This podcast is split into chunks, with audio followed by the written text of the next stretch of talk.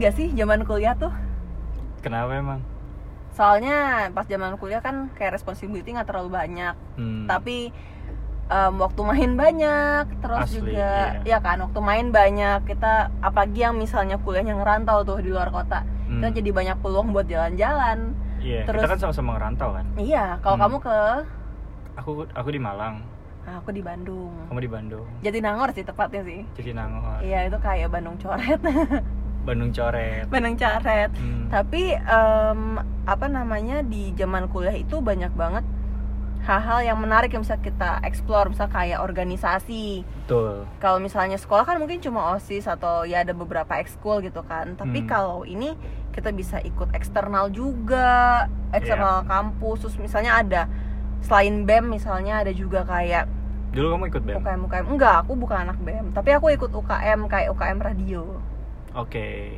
jadi radio mahasiswa unpad nah itu tuh aku ikut itu Kayaknya dulu di Brawijaya juga ada deh. Aku sempat eh, jadi di organisasiku juga sempat kayak bikin apa kita ngisi eh, beberapa kali siaran. Waktu itu aku lupa kita lagi ngomongin apa.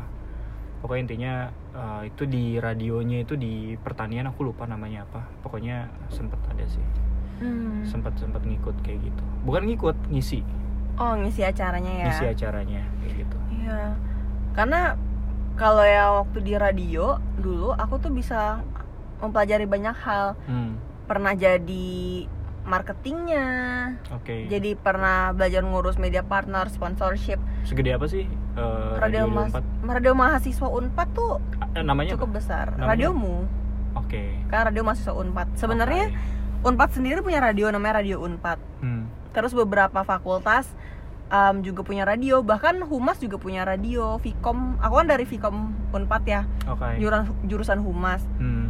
Vkomnya sendiri punya radio Hmm. humasnya sendiri punya radio Oke. gitu tapi dan sastra sastra segala macam tuh mereka punya radio juga sendiri Hmm. cuma radio mahasiswa unpad cukup besar Hmm. untuk di unpad gitu dan um, exposure-nya cukup lumayan kencang karena banyak event-event kan kalau di unpad kan banyak gigs Yes. ya itu pasti banyak sih. yang ya banyak yang media partnernya sama radiomu dan aku berkesempatan lah beruntung waktu itu untuk kayak bisa belajar jadi marketingnya Hmm. belajar dan aku juga jadi produser announcer bahkan terakhir aku event manager Oh ya? di ya event Kamu manager berapa lama di situ? berarti tiga setengah tahun Oh ya? Aku- Berarti hmm, dari awal banget. dari awal banget dari awal Hmm. banget dari mahasiswa baru Tapi ya oke, seru sih kalau masa kuliah. Tapi kita tarik ke belakang dulu. Hmm. Dulu kamu em, daftar kuliah tuh ke mana aja sampai akhirnya, aduh gue pengen masuk eh, Vi- Vkom Unpad kayak gitu. aku tuh dari zaman SMA emang pengen banget jadi humas aku udah Hmm. tahu kayak cita-cita dan karir aku pengen ke mana Hmm. dan salah satu eh, guru aku dulu di SMA itu nyaranin Oke. untuk komunikasi yang paling bagus itu di Unpad Unpad. jadi em, aku udah kepikiran dari awal untuk masuk sana Hmm. tapi em, pada saat Berarti itu kamu IPS ya? iya IPS Oke. tapi orang tua aku memang prefer kalau bisa di Jakarta karena kan aku anak pertama jadi Hmm. kan mungkin mikirnya aduh jauh-jauh gitu saat itu gitu kan Yap. jadi ya aku dari awal eh, waktu pertama dapat undangan dapat undangan Hmm. SNMPTN undangan waktu itu Hmm. aku masukin Vkom UI dan Vkom Unpad eh sorry komunikasi UI dan Vkom Unpad tapi kalau di komunika kalau di UI kan soalnya nggak Vkom kan Yes. Visip Masuknya fisip ya? Uh-uh, tapi aku nggak lolos di undangan nah Hmm. waktu SNMPTN tulis aku sama aja masukinnya lagi komunikasi UI komunikasi Unpad Oke. gitu jadi lolos di SNMPTN Undangan. undangan dan emang dari awal Itu berarti first step ya? Undangan kan tuh di tahap undangan awal ya kan? tahap awal Hmm. dan aku tuh emang Wow. dari awal pengen emang udah pengen di Vkom Unpad UI itu cuma kayak ya biar orang tua aku nggak khawatir aja Hmm. Maksud kalau misalnya emang bisa di Jakarta ya udah tapi Pasti sih orang tua, apalagi cewek kan. Iya, tapi Hmm. it's a blessing banget sih untuk kayak aku bisa masuk um, Unpad karena bener-bener membuka cakrawala aku banget yang tadinya tuh kayak cuma tahu Jakarta Bekasi aja. Hmm. Terus dan mungkin dengan orang tua yang lumayan protektif. Yes. Sekarang begitu waktu itu begitu masuk ke Unpad Perantau, Perantau, cewek, Bandung pula tapi maksudnya jadi diambil dari sisi positif jadi bener-bener aku bisa ikut banyak komunitas yes gitu Hmm. bisa ikut banyak hal ketemu banyak orang ikut jadi panitia event ini event itu Iya gitu jadi menyenangkan sih Hmm. di kuliah itu dari sisi pelajarannya juga menyenangkan aku suka Hmm. banget mata kuliah mata kuliahnya Hmm. momen-momennya menyenangkan bisa explore Bandung juga sama teman-teman banyak Hmm, waktu luang sih. Hmm. banyak waktu tidur siang juga Hmm. Em, dan yang menarik adalah aku merindukan sebenarnya perjalanan pulang pergi naik prima jasa Iya naik bus Iya, Dulu kamu berapa bus. sih? dulu tuh aku ngerasain dari tiketnya 28.000 ribu Itu udah yang tujuannya mana? Bekasi. Iya maksudnya Bekasi mana? Eh, Bekasi Timur aku. Bukan Bekasi Berarti nggak nggak Bandung dong dia? Oh Tasik Tasik Oh iya naik, naik, Bekasi. Naik yang Tasik berarti. Atau Garut Bekasi ada dua antara itu. Karena Oke. turunnya sama-sama di Cilenyi kan. Oke. Nah antara itu. Aku ngerasain dari zaman 28.000 ribu naik Hmm. sampai 45.000 ribu. Nggak tahu deh sekarang berapa. Kayak udah lebih deh. Mungkin lebih ya. Ah, Kayaknya lebih. Hmm, ya itu merindukan masa-masa itu masa-masa ngekos. Hmm, masa-masa ya banyak lah main sama teman-teman. Iya Tapi emang masa-masa kuliah tuh eh, fase terbaik dalam Salah satu fase terbaik dalam hidup sih. Hmm. kayak em, beberapa orang tuh ngerasain eh, pertama terkait dengan kebebasan. Jadi orang tua tuh udah mulai ngasih kebebasan kepercayaan ke orang ke anaknya untuk eh, pertama mungkin eh, memilih eh, jurusannya. Walaupun ya kita juga nggak bisa apa namanya eh, menafikan kayak misalnya orang tua tuh yang masih menginginkan anaknya oh, lo harus di sini.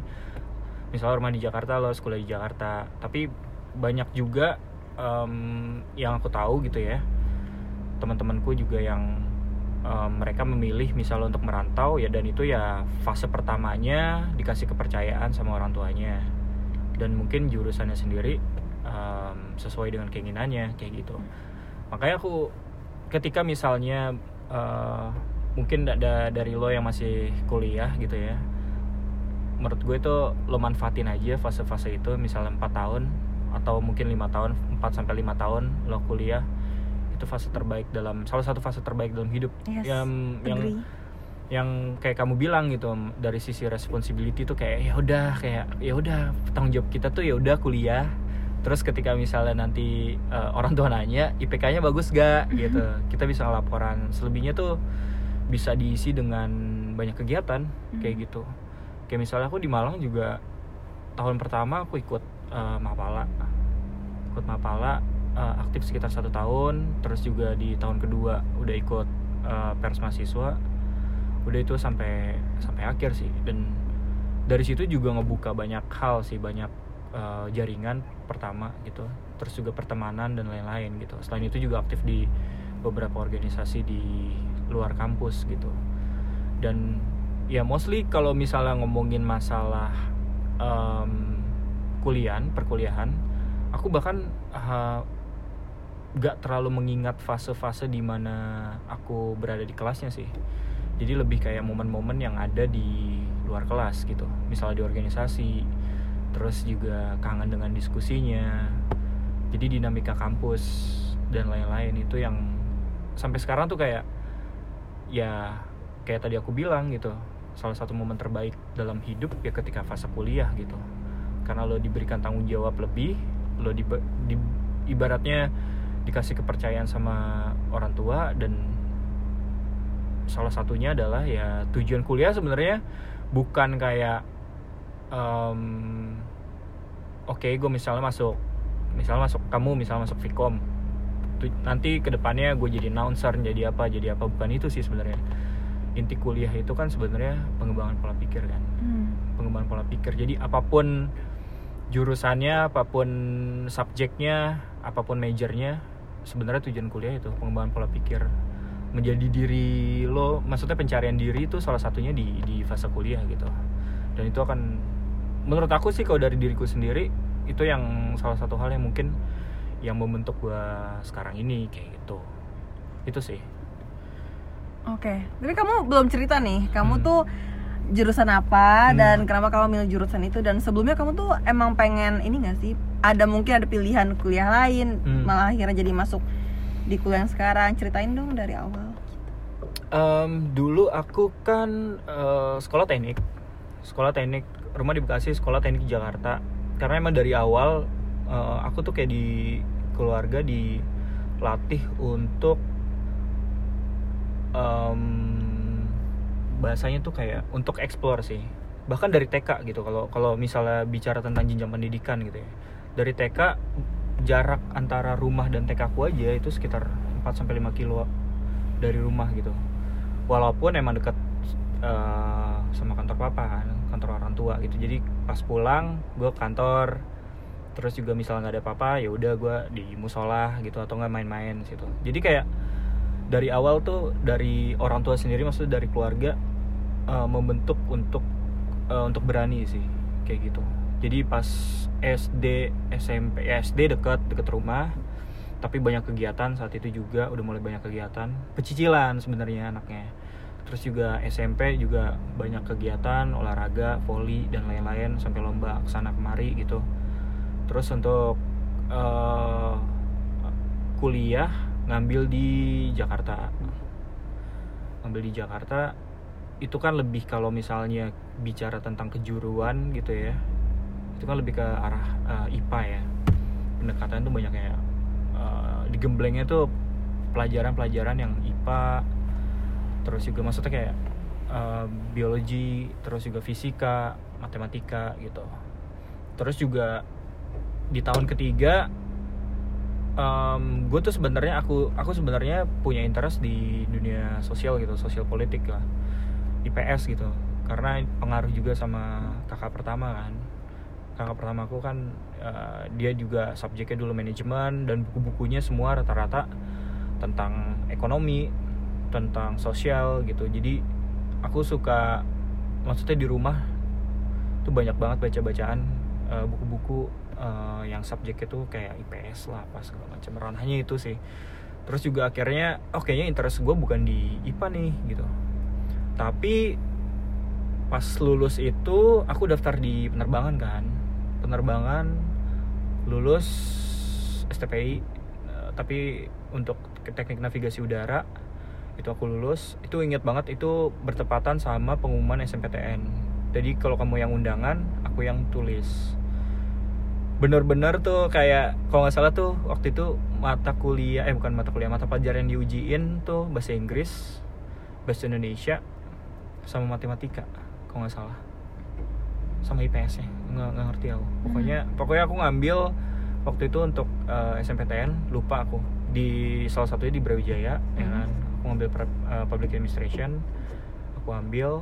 Dan yang pas lagi ujian aku bener-bener kayak yang aku isi tuh bahasa Inggris dulu bahasa Indonesia baru matematika gitu. Jadi kayak gue tahu kekuatan gue di mana segala macem kayak gitu. Akhirnya ya udah pakai strategi kayak gitu sih. Tapi dulu aku ikut simak UI nggak dapat aku inget ngambil apa ya? Kriminologi dan politik kok nggak salah. Oh kriminologi dan politik terus terus nggak dapet. Akhirnya ya udah ngambil SMPTN ngambil di Brawijaya. Salah satunya alasannya untuk merantau sih. Hmm. gue gue pengen merantau kayak gitu. Se sesimpel itu aja. Gue nggak ngerti maksudnya belum explore terlalu jauh tentang subjek yang pengen gue ambil. Kalau kamu kan eh, tadi udah tahu oh gue mau masuk Vkom 4 udah dari awal tuh udah tahu gitu. Kalau aku sesimpel kayak oke gue ngambil IPS dan gue ngambil eh, Public Administration. Waktu itu kebetulan yang kayak adalah dia dia baru ngebuka kayak semacam kayak kelas bahasa Inggris gitulah. Jadi aku ambil yang di situ. Ya udah keterima. Hmm. keterima di situ. Udah dan menurut aku ketika empat tahun itu empat tahun berproses sebagai mahasiswa itu ngebentuk banget sih. Ngebentuk karakter. Terus juga em, berinteraksi dengan teman-teman yang berada dengan maksudnya zona geografis itu yang berbeda Iya, bener-bener ya benar-benar. Itu ngaruh sih. kayak teman-teman dari timur Iya, jadi iya, jadi iya, iya.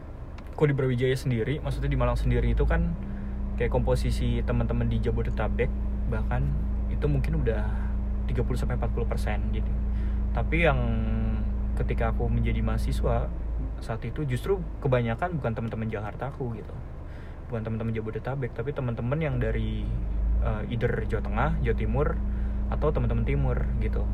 Jadi bener-bener kayak aku pengen ngebuka selebar-lebarnya untuk belajar dari uh, banyak hal sih. Dari budaya dari bahasa. Mau mencoba memahami apa namanya memahami manusia dengan geografis yang berbeda bahasa yang Hmm, berbeda hmm. budaya yang berbeda gitu aku nggak mau membawa ibaratnya ke Jakarta Jakartaan gitu ya ke dalam sana. Jadi aku lebih kayak yang membaur ke mereka gitu. Itu sih yang salah satu hal yang eh, sampai sekarang tuh ketika misalnya bicara tentang kuliah itu sih yang paling aku paling aku inget kayak gitu. Hmm. seru sih menyenangkan banget kayak gitu. Untuk kayak berorganisasi kayak dulu aku sempat aktif yang di pers mahasiswa itu. Terus sempat jadi pemimpin umum juga kayak gitu gitu deh. Menyenangkan gitu. Jadi ketika misalnya aku balik ke Malang aku nggak pernah ngerasa kehilangan sesuatu gitu.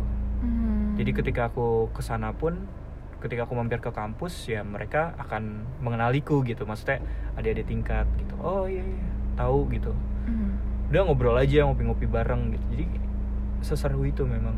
Makanya kalau misalnya lo masih kuliah ya lo manfaatin sih Mm-mm.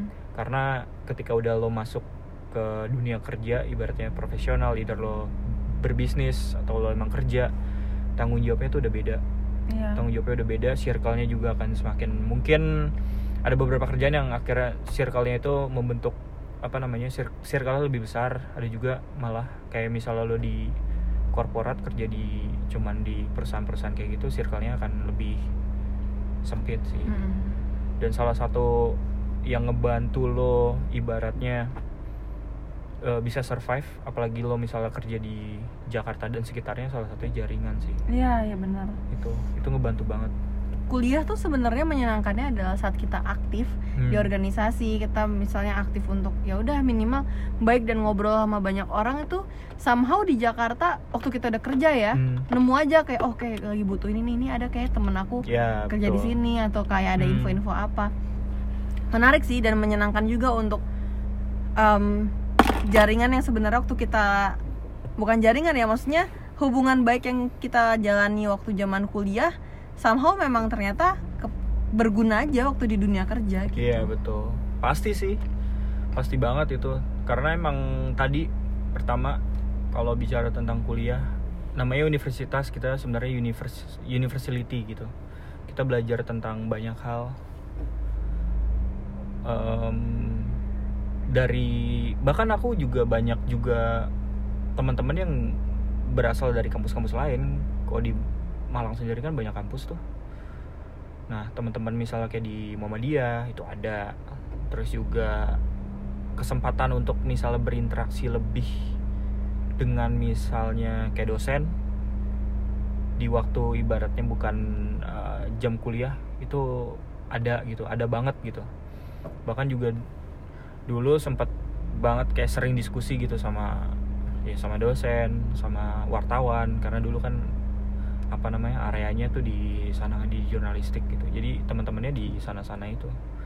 Jadi ketika aku misalnya harus balik lagi atau misalnya tiba-tiba main ke Malang ya aku tinggal kontak teman-temanku yang ada di sana gitu. Dan emang semenyenangkan itu gitu.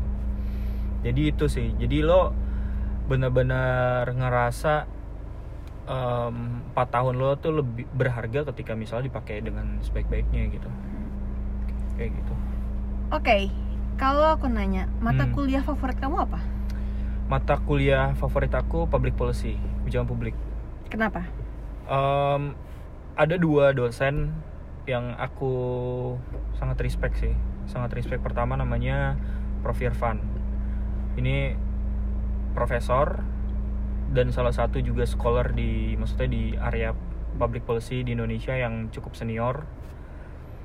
Even kayak misalnya dia ngajar ke S1 dia tuh em, kalau nggak salah dia lulusan Amerika juga deh lulusan Amerika atau Australia kalau jadi ada kan beberapa kayak eh, profesor yang ngajar eh, ke mahasiswa S1 tuh kayak asal aja gitu. Ngerti gak sih? Kayak berulang apa yang dia omongin tuh berulang berulang segala macam nah kalau si Prof. Irfan ini itu benar-benar terstruktur. Bagi beberapa orang bagi beberapa mahasiswa akan tampak boring gitu. Tapi kalau kita memahami ibaratnya garis pemikirannya teori secara teoritis itu kayak gimana terus juga uh, aplikatifnya kayak gimana misalnya di Indonesia misalnya bicara tentang public policy itu sangat relevan banget gitu. Terus ada lagi yang kedua uh, Fadila Putra. Ini Fadila Putra itu kayak dia tuh benar-benar ngelihat si Prof. Irfan tadi gitu. Jadi kayak anak muridnya lah gitu anak anak muridnya. Terus jadi dosen juga gitu. Ya secara pemikiran juga sama. Dia lulusan di S2 nya kok nggak salah di uh, Texas Austin gitu public policy. Salah satu uh, universitas top maksudnya dari sisi ini ya dari sisi majoring tuh untuk dari public administration paling top di dunia salah satunya Texas Austin itu. Kalau nggak salah juga S3 nya di di Melbourne apa kalau nggak salah dia kayak gitu. Jadi benar jadi benar-benar kayak ngebuka banget uh, banyak hal sih tentang nah, public policy dan lain-lain gitu. Buku-buku tentang kebijakan publik juga aku banyak sih di di rumah. Dan dan itu salah satu interest aku ketika bicara tentang public administration dan lain-lain. Dan juga salah satu interest aku juga bicara tentang politik gitu. Aku senang politik tapi at some point ya kadang sebel. Tapi ya kayak gitu sih. Orang orang harus memahami. Ada aku lupa pepatah siapa gitu ya.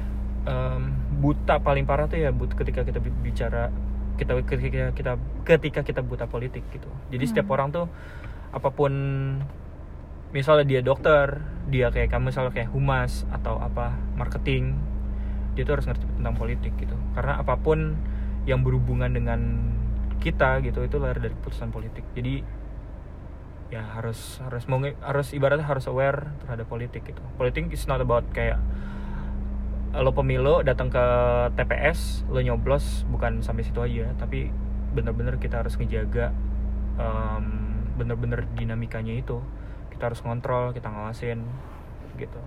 Dan sebelnya adalah kalau bicara tentang politik kayak sekarang tuh udah kadang tuh ketika kita mengkritik sesuatu kita tuh udah langsung dikubu-kubuin dan aku males. Hmm, karena ya, polarisasi ya, ya. politiknya yang kemarin tuh bekas pemilu tuh imbasnya sampai sekarang. Dari pilkada sih sebenarnya. Dari apa namanya pemilihan gubernur DKI ya itu udah mulai tuh polarisasinya kenceng banget. ya makanya. Sampai presiden kemarin. Ya makanya bicara tentang politik politik tuh kadang saking pol- polarisasinya sudah segede itu apa pun yang kita omongin gitu kritik yang kita sampein itu nggak lepas dari pertanyaan lo emang kubu siapa gitu itu yang paling males sih gitu. Iya. sebenarnya tanggung jawab sebagai warga negara gitu ya kita tuh harus melakukan kontrol sosial gitu di luar lembaga-lembaga yang harusnya melakukan itu misal legislatif dan lain-lain kayak gitu kalau kamu gimana mata kuliah apa yang favorit dan dan kenapa aku suka banget mata kuliah marketing public relation hmm. Kenapa dimulai dari nggak dimulai dari pertama mata kuliah advertising atau periklanan di Hmm. semester 4 Hmm. terus eh sorry di semester 3 Hmm. terus lanjut ke mata kuliah publisitas di semester 4 Yes. dan di semester 6 itu marketing dan public relation terus balik iklan-iklan yang menarik itu Hmm. ada apa aja em, kayak thinking prosesnya ide kreatifnya tuh Yes. gimana sih ngegarap dari awal Hmm. terus nonton objektif dari awal tuh kayak gimana Hmm. eksekusi iklannya gimana kita bikin iklannya gimana dan em, kebijakan-kebijakan atau misalnya em, do's and don'ts-nya gitu jadi Hmm. kan ada buku etika pariwara juga Oke. di situ kayak bahwa ada beberapa iklan yang ternyata melanggar misalnya yang terlalu Hmm. seram atau ada subliminal message di situ Yes. Itu yang nggak boleh hal kayak gitu tuh menarik buat aku karena kan Hmm. selama ini sebelum mata kuliah itu Hmm. kayak ya udah nonton iklan tuh nonton iklan misalnya oh iklan ini lucu oh iklan ini kayaknya aneh gitu gitu Hmm. tapi ternyata di balik itu ada banyak layer yang menarik untuk dibahas Betul. dan gimana cara kita bikin iklannya sih produksi iklannya itu juga menarik Iya. lalu untuk di mata kuliah publisitas itu mulai deh em, jadi kita disuruh bikin satu brand Hmm. Aku bikin karena aku suka banget green tea aku bikin namanya Macalen jadi kayak everything about green tea waktu itu Hmm.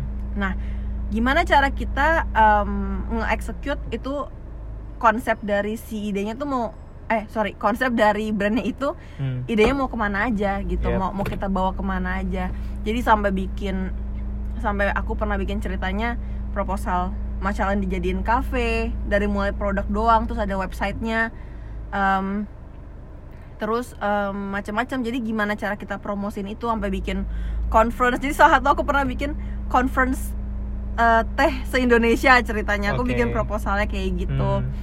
segala macam segala macam jadi Hmm. eh, ngundang pakar kesehatan ceritanya kayak gitu Teh Em, sekarang lagi naik ba- naik daun banget loh. apa Teh. iya sih Nah, waktu itu tuh tahun penikmat, 2000 Iya, penikmat teh tuh lagi lagi booming banget 2019 kemarin. Hmm. Nah, itu aku bikin 2014 sih tahun Hmm. itu tuh Hmm. 2014 karena kan itu aku kan suka kayak banget green tea bisnis plan ya. Bikin bisnis plan ya bener Hmm. sebenarnya ada lagi mata kuliah namanya komunikasi bisnis dan aku malah bikinnya tentang sepatu tapi Oke. itu kan sebelum mata kuliah publisitas Hmm. justru setelah publisitas tuh aku ba- baru kayak wah aku tuh suka banget green tea jadi aku tuh passionate ngerjainnya gitu Hmm. sampai belajar bikin banner bikin apa namanya desain proposal segala macam itu dulu aku belum bisa pakai Adobe Photoshop kan? Aku Hmm. belum bisa sama sekali pakai Photoshop. Akhirnya aku desain pakai publisher. Aku inget banget pakai Microsoft Publisher dong. Oke, bukan pakai paint. enggak sih untungnya. Jadi kayak seneng aja untuk bisa nge-explore sampai mana sih kita bisa berkreasi. Betul. nah terakhir nyambungnya itu ke marketing dan public relation. Hmm. Tadinya kan aku bilang sama kamu aku tuh punya cita-cita jadi humas jadi PR gitu Yes, PR. setelah aku masuk mata kuliah marketing public relation Hmm. dengan dosen favorit aku ibu Susan Dida Hmm.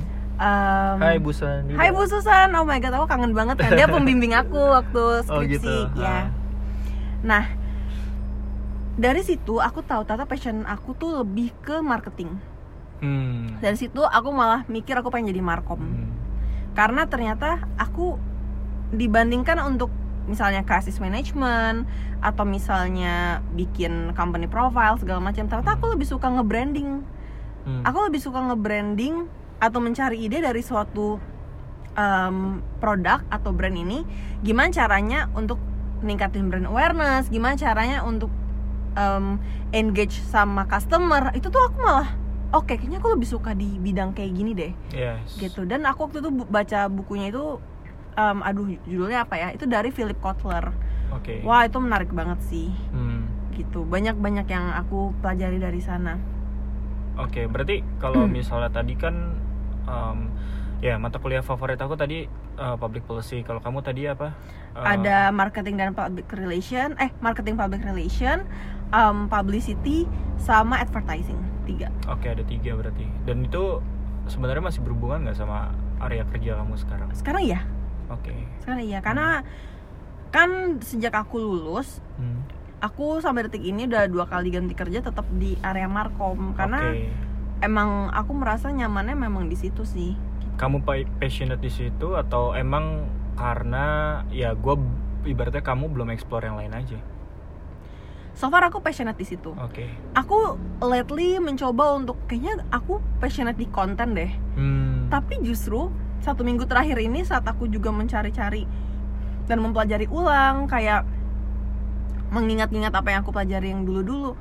Sebenarnya aku juga nggak bisa me- apa ya mengklasterkan aku tuh cuma suka di atau pengen pelajari konten aja justru aku pengen tuh Betul. mempelajari secara holistik karena Hmm. itu yang membuat aku jatuh cinta sama markom dulunya Oke. marketing public relation tuh Hmm. holistik nggak cuma konten gitu ada Hmm, banyak banget hmm. ada sponsorship ada trade show ada event media visit termasuk di dalamnya jadi Hmm, banyak hal yang bisa di explore Berarti gitu. kamu seorang yang spesialis ya? pengennya gitu aku emang cita-citanya pengen banget jadi markom spesialis sebelum aku jadi markom lecturer aku Hmm. apa ya kayak end goalsnya tuh sebenarnya aku lebih Ngajar. iya aku pengen banget jadi lecturer marketing Oke. gitu mungkin kalau ada yang ternyata yang mendengar ini butuh asdos atau ada info-info gitu siapa tahu ya kan ngasih tahu Ya kali gitu. ya kali gitu kan Instagram di Siapa tahu ada. @sarasylvias ya Ya, siapa tahu ya kan. siapa tahu tapi ya itu sih gitu Ah. bagiku bekerja di kantoran tuh adalah kuliah aku aja Hmm. gitu jadi aku udah dapat pem- pemahaman dasar di S maksudnya di S1 kemarin juga waktu S2 nya aku ngambil markom Hmm. bener-bener jurusannya markom gitu jadi Hmm. semua tentang marketing Ya berarti emang communication kamu mungkin passionate di situ kan? iya dan karena aku karena gini, em, ada juga orang yang bilang eh, oh gue passionate at something gitu misalnya state misalnya kayak kamu misalnya di Markom Hmm. tapi ada juga em, statement kedua yang bilang ya lo belum explore yang lain aja makanya lo ngerasa lo passionate di situ gitu Hmm. kan itu bisa jadi kan kondisi itu bisa terjadi kan yang kondisi kedua gitu Bisa juga sih, karena kan kalau Hmm. dipikir-pikir, even aku udah dua kali pindah kerja setelah lulus, aku tetap bekerja di ranah markom kan. yes Gitu. Tapi memang aku mencoba untuk explore ke, jadi waktu di kantor aku yang pertama, Hmm. aku kebetulan berkesempatan dan beruntung untuk Hmm. bisa mengeksplor banyak hal karena aku adalah karena aku cuma markom sendirian, ya jadi aku explore dari sisi misalnya media relationnya iya, Hmm. dari sisi konten iya dan digitalnya juga dapet Hmm. em, segala macam bahkan sampai desain gitu Yeah. multimedia itu aku pelajarin Hmm. dan gimana ya em, even partnership juga waktu itu Hmm. ya dari situlah aku memilah aku tuh pengennya ke arah mana gitu sebenarnya udah tahu sih Hmm. kayak aku nyaman untuk dari sisi misalnya media Hmm. partnership konten gitu cuma Ya. mungkin di kerjaan kedua ini aku jadi agak waktu dikasih kesempatan oke mau explore yang mana dan aku menjawab misalnya aku pengen konten Hmm. jadi sangat tercluster gitu jadi aku malah jadi pengen nge apa ya ngedobrak lagi untuk kayak ngeluasin perspektifnya lagi gitu Oke. Tapi aku tipikal yang ini sih, generalis. hmm. Aku tipikal karena aku kan em, salah satu orang yang mungkin aku mengklaim sendiri sih aku pengen banyak tahu kan. Pengen banyak tahu. Jadi kayak aku generalis gitu. Hmm. Generalis till one day mungkin jadi spesialis gitu. Kayak misalnya sekarang udah kelihatan sih arahnya gitu. Misalnya di ranah uh, project gitu misalnya project management gitu malah ke arah situ tapi setelah dipikir-pikir bukan subjeknya bukan project managementnya yang itu menjadi menarik tapi lebih karena interaksi dengan orang-orang yang terlibat di dalam project itu sendiri gitu. Karena setelah ditarik uh, ke belakang kenapa aku banyak interaksi sama orang? Misalnya di uh, organisasi juga misalnya um, di banyak organisasi misal di di kampus gitu dan di luar kampus dan aku passionate banget maksudnya di sana itu bukan gara-gara subjeknya gitu aku kan explore misalnya kayak di kuliah itu mengenai politik uh, public policy social science gitu gitulah itu kalau di bangku kuliah kan. Di luar aku aktif di um, jurnalistik gitu. Terus di ikut organisasi lainnya di luar kampusnya itu sendiri bicara tentang uh, pure misalnya tentang tentang NGO itu sendiri gitu tentang non governmental organization perannya kayak gimana. Mostly in social gitu tapi setelah aku pikir-pikir gue bukan uh, bukan karena passionate misalnya gue di social science gue di politik gue di public policy atau mungkin di media bukan itu. Tapi lebih karena gue pengen belajar banyak hal sama orang. Dan gue seneng ngomong gitu seneng berinteraksi seneng belajar. Jadi eh, bahkan sampai tahap sekarang ya bahkan ketika misalnya ditarik lagi dulu gue misalnya dari eh, Telkom ibarat kejuruan terus langsung ke ranah politik gue aktif di jurnalistik sekarang pernah juga di financial service sekarang misalnya di advertising itu kayak itu kan ke mana-mana gitu tapi kalau setelah dipikir-pikir ya oh itu ada ses- aku bisa tarik satu garis gitu di mana aku emang sebenarnya seneng berinteraksi sama orang seneng ngomong seneng menyampaikan ide-ide dan gagasan kayak gitu Hmm. subjeknya kebelakangin deh gitu. Tapi bukan berarti itu semua menjadi sia-sia bukan. Itu akan membantu untuk kayak memberi perspektif baru ketika kita berada di em, dunia yang baru gitu. Hmm.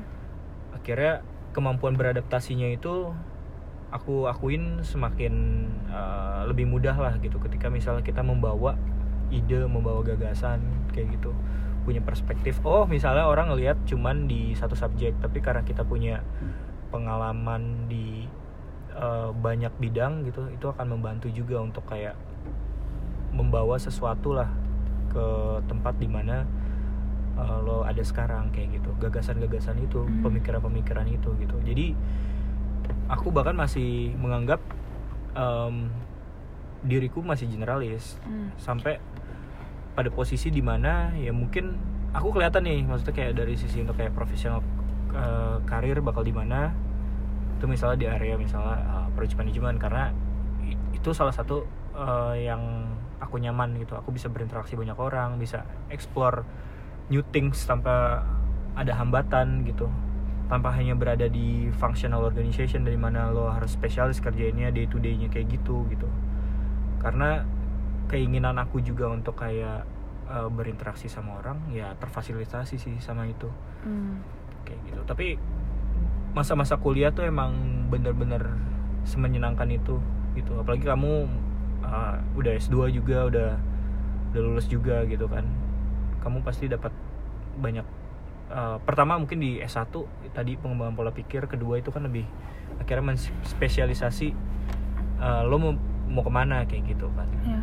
Tapi emang balik lagi karena kenapa aku tuh pengen banget jadi spesialis karena kan Hmm. end goals aku adalah pengen jadi dosen kan Hmm. gitu. aku juga sih salah Jadi- satu salah satu keinginan aku Mm-mm. juga sih Jadi kan ada istilah kayak master eh job of all, master of none. Ibaratnya Hmm. ya kan, Hmm. maksudnya jangan aku cuma menghindari aja, jangan sampai misalnya merasa untuk bisa misal mempelajari banyak hal Hmm. tapi kayak at the end of the day aku realize oh aku tuh nggak master di apa-apa gitu Yes, minimal ada satu hal yang kalau misalnya misalnya ditanya kalau misalnya dosen kan biasanya apalagi em, key expertise-nya di mana nih gitu Iya, aku iya. minimal tahu kayak key expertise aku di mana di Yes. titik ini aku masih mencari tapi Hmm. memang aku tipe yang ya inginnya spesialis karena kan kalau generalis kan lebih ke dari sisi jenjang karir kerjaan ya pasti kan misalnya kayak manajerial, Hmm. manage gitu-gitu jadi Hmm. head Hmm. kalau aku sih nggak mikir ke situ sih aku lebih Ya. pengennya spesialis jadi Hmm. ibaratnya tuh kayak oh misalnya nih misalnya butuh orang yang ngerti media dan konten misalnya Oh, oke oke itu berarti Sarah nih orangnya Hmm. gitu karena Iya, iya. karena itu akan sangat berguna untuk personal branding aku saat pengen jadi dosen nantinya Hmm, hmm, gitu hmm. kalau misalnya aku cuma kayak sekedar tahu-tahu kayak ya itu joke of all kayak taunya ini sepercik ini sepercik gitu apa yang Hmm. bisa aku apa yang bisa aku kasih ke em, mahasiswa-mahasiswa nanti ya nggak sih betul betul Itu tapi sih. tapi yang aku pelajarin adalah kenapa misalnya hmm, ada beberapa dosen misalnya yang aku dulu ketika aku kuliah aku benar-benar em, respect gitu pertama oke dia emang expert di bidang tertentu tapi kedua layer kedua adalah ternyata kalau ketika dibedah dosen yang berkualitas adalah ketika membicarakan sesuatu dia punya perspektifnya gitu. Hmm. tapi setelah dilihat ditarik lagi dulu emang dia aktif di mana aktif di mana itu gila sih. Maksudnya kayak sampai lo berada di posisi eh, misalnya spesialis di mana tapi emang ketika lihat backgroundnya segala macam wah itu emang dia ternyata explore banyak hal kayak gitu. Makanya aku salah satu orang yang against banget ketika misalnya aku nggak tahu nih apakah peraturan ini masih berlaku apa enggak jadi Dikti itu punya peraturan untuk misalnya dosen bagi pelamar gitu ya misalnya untuk jadi dosen di PTN dia harus linear gitu. S1 S2 S2 kan dia baru jadi bisa eh, ngelamar jadi dosen kan dan dia itu harus linear gitu.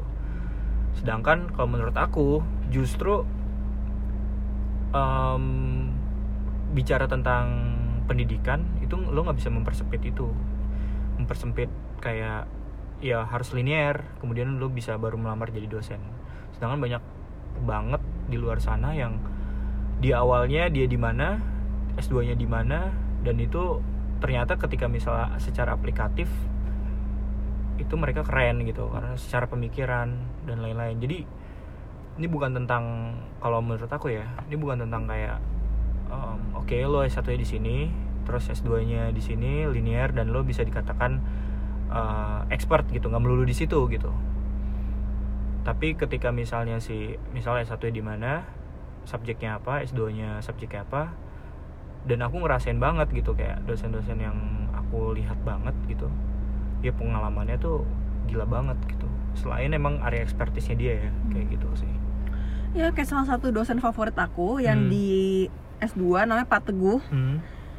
Itu dia eh beliau em, seorang public relation juga masa seorang jurnalis juga gitu Hmm. jadi bermain di beberapa peran gitu Yes. jadi itu menarik untuk kayak aku pola mendapatkan pikirnya Hmm, mendapatkan iya mendapatkan apa ya namanya em, gimana sih perspektif dari sisi PR dan dari sisi jurnalistik gitu itu kan hal yang Hmm. sebenarnya di komunikasi itu dua hal yang berbeda Hmm. bertolak belakang tapi saling membutuhkan gitu Iya. jadi menarik ya itu sih aku melihat atau misalnya dulu salah satu dosen aku di S1 pernah dia S1 nya tuh psikologi S2 nya Hmm, em, komunikasi kan jadi kayak ada basic-basic psikologi gitu jadi menarik sih yang kalau misalnya bisa berbagai ini ya mempelajari berbagai expertise gitu lalu Hmm. dilebur itu juga menarik Iya, ya iya. cuma kalau aku kan memang dari apa ya memang udah dari humas start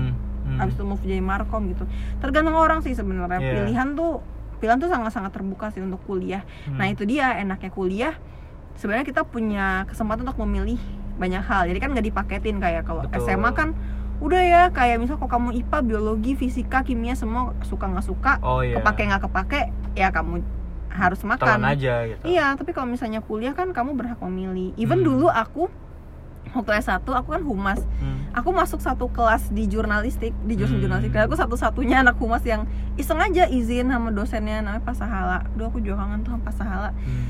Izin gitu, boleh nggak Pak saya ikut kelas Bapak gitu. Padahal aku anak humas gitu. Hmm. Maksudnya ngapain juga, jadi nggak masuk nggak masuk kredit kan. Tapi Hmm.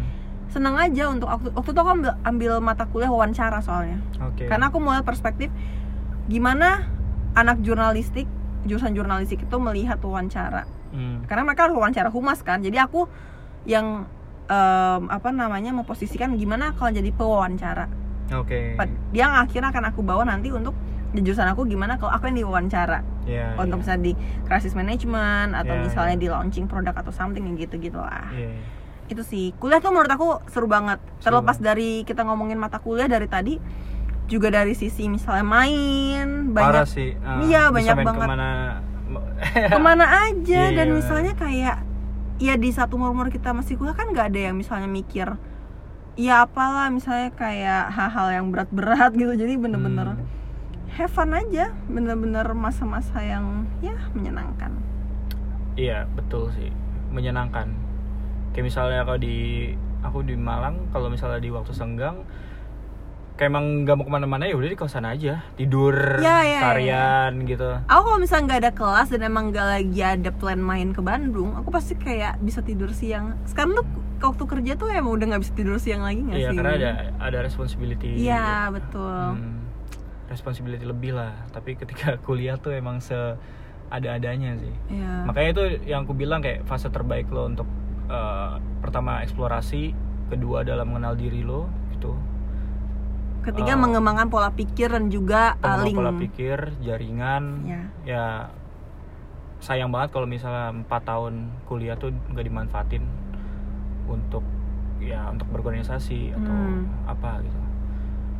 Karena ya banyak juga kan maksudnya nggak bukan berarti kayak oh mahasiswa yang kemudian kayak pulang kuliah pulang ya itu bukan kupu-kupu. ya bukan bukan ya itu pilihan lah lagi-lagi pilihan Kamu, kan. kamu kunang-kunang gak sih? Kunang-kunang nggak? Kuliah nangkring, kuliah nangkring gitu. Iya aku aku tuh ke kosan bener-bener buat tidur kayak tengah malam. Oh, iya. iya. Kayak aku sampai kosan tengah malam terus tidur terus habis itu udah keluar lagi tengah malam ritmenya kayak gitu dong. Jadi buat kosan tuh bukan bukan buat kayak gua ngabisin waktu di sana. Jadi aku Hmm. lebih banyak ngabisin waktu di luar juga. Tidur di kampus, tidur di Oh. sekret ya Atau kan. kura-kura, kuliah rapat, kuliah rapat, Iya. rapat sekret gitu iya, gitu kan. di sekret kan. Tuh. dulu tuh ada ada fase-fase di mana em, pas masih zaman kayak ada kelas-kelas pagi kan kalau nggak salah tuh di Brawijaya itu jam tujuan lah Hmm. Jam tujuan itu kayak buka sekret tuh kayak bawa handuk terus kayak mandi Oh iya, iya, dulu aku di sekret radio tuh juga suka tuh anak-anak pada tidur-tiduran kan studionya di lantai dua kan. kalau ini dulu nginep anak-anak jadi Iya, kayak iya, emang iya, bener-bener iya. emang bener-bener untuk diskusi untuk bener-bener kayak kita beda buku beda film Hmm. semenyenangkan itu juga gitu kayak ngopi entah di mana Iya, iya. atau jalan-jalan ke Batu tengah malam kayak gitu-gitu best moment sih. best moment ya best moment banget sih pas kita bicara tentang itu. Banyak sih yang dikangenin makanannya. Tuh apalagi di sana murah-murah. Oh iya ya di Nangor tuh juga murah-murah. Aku ingat banget cokolava favorit aku udah pakai es krim cuma 19.000 ribu waktu itu. Sekarang kan udah 30-an deh. Hmm, 19.000 ribu mahal sih. Kok? Tapi itu kafe loh. Oh iya oke lah. Kafe, ya kafe. sesekali boleh lah aku aku standar di di Malang tuh biasanya makan aku rapel Senin eh apa namanya eh, sarapan sama makan siang. Biasanya aku makan jam 10-an itu makan biasanya di Pak Min. Pak Min kan sekarang udah di mana-mana kan? Oh iya iya iya iya. Ya makan yang nasi campur itu dua mangkok cuma sepuluh ribu. Itu murah banget gitu. Habis itu kayak makannya lagi malam. Udah kayak gitu sih. Aduh aku kangen banget Lu ini sih sering-sering ngopi sering ngopi Oh, mau selama ya, Sering ngopi ya. Aku kangen banget soyul. Wah, kalau anak Unpad nih jadi Nangor kalau tahu soyul, soto tuyul kita Soto tuyul. Karena kalau dibawa aku dong ya ke kamu dong tuyul. Karena kalau dibawa pulang nggak enak, Iya. tapi kalau dimakan di situ enak banget. iya itu Aku bawa keluargaku tuh kayak semuanya wah enak banget. Padahal tuh ya udah di gitu. Panji ada sempak Gua nggak tahu sih. Soalnya nggak kelihatan Eh. makhluk astral Eh, gitu. Atau kayak makan di Surabaya ada kayak masih pecel ayam gitu seru sih jadi kayak eh, dinamika banyak banget sih Maksudnya banyak kayak- aspek yang bisa dikangenin sih dari zaman sih. kuliah iya. Iya sampai kayak dulu kan aku juga pas zaman zaman kuliah kan sering aksi kayak gitu-gitu. ya ampun kamu dulu ini ya apa nama aktivis Aduh nggak mau dibilang gitu deh. Pokoknya sering aksi lah. oke pokoknya. Sering aksi kayak seminggu dua kali, sebulan ya empat kali ke DPRD gitu kan ke balai kota. Tapi itu jadi jadi pengalaman sih yang banyak. Akhirnya Hmm. bisa diceritain gitu. Ketika one day mungkin ya ada mungkin punya anak atau apa kan bisa jadi kan bisa jadi dulu bokap lo kayak gini kayak gitu gitulah kayak gitu gitu seru sih kalau dari kalau dari keluarga di rumah mah cuman bilang ya udah hati-hati ya le. Yuk yuk ya oke ya. Kayak gitu doang. Terus sempat kayak ya terlibat di beberapa kegiatan lah. Event. Iya ya event. Aku juga aku selalu jadi ini selalu jadi PR di event. Hmm. bagian PR nya bikin rilis atau iya, apa partnership gitu-gitu seru sih. Zaman-zaman di Persma kayak nonton konser gratis terus oh iya iya aku juga tuh karena dapat dari radio Iya, terus liputan, liputan di mana-mana gitu. Terus juga ah, majalah kampus pernah ya juara-juara gitulah. Eh, apalagi ya? Pernah nerbitin buku kompilasi juga. oh ya apa sih judulnya kasih tau dong Hah? judulnya Em, ilusi demokrasi lokal. Terlalu berat sih. Dia bisa ditemukan di mana tuh bukunya Oh, waktu itu di Gramedia dijual. oh siapa tahu masih ada sih Udah nggak ada. udah nggak ada ya? Udah nggak ada. Ya. Jadi tuh buku itu tuh em, kompilasi. Jadi kalau kita bicara ini maksudnya ini ke agak-agak teknis ya. Jadi kena buku itu adalah menceritakan tentang dinamika mengenai eh, organisasi masyarakat sipil yang ada di daerah, khususnya untuk eh, mengawal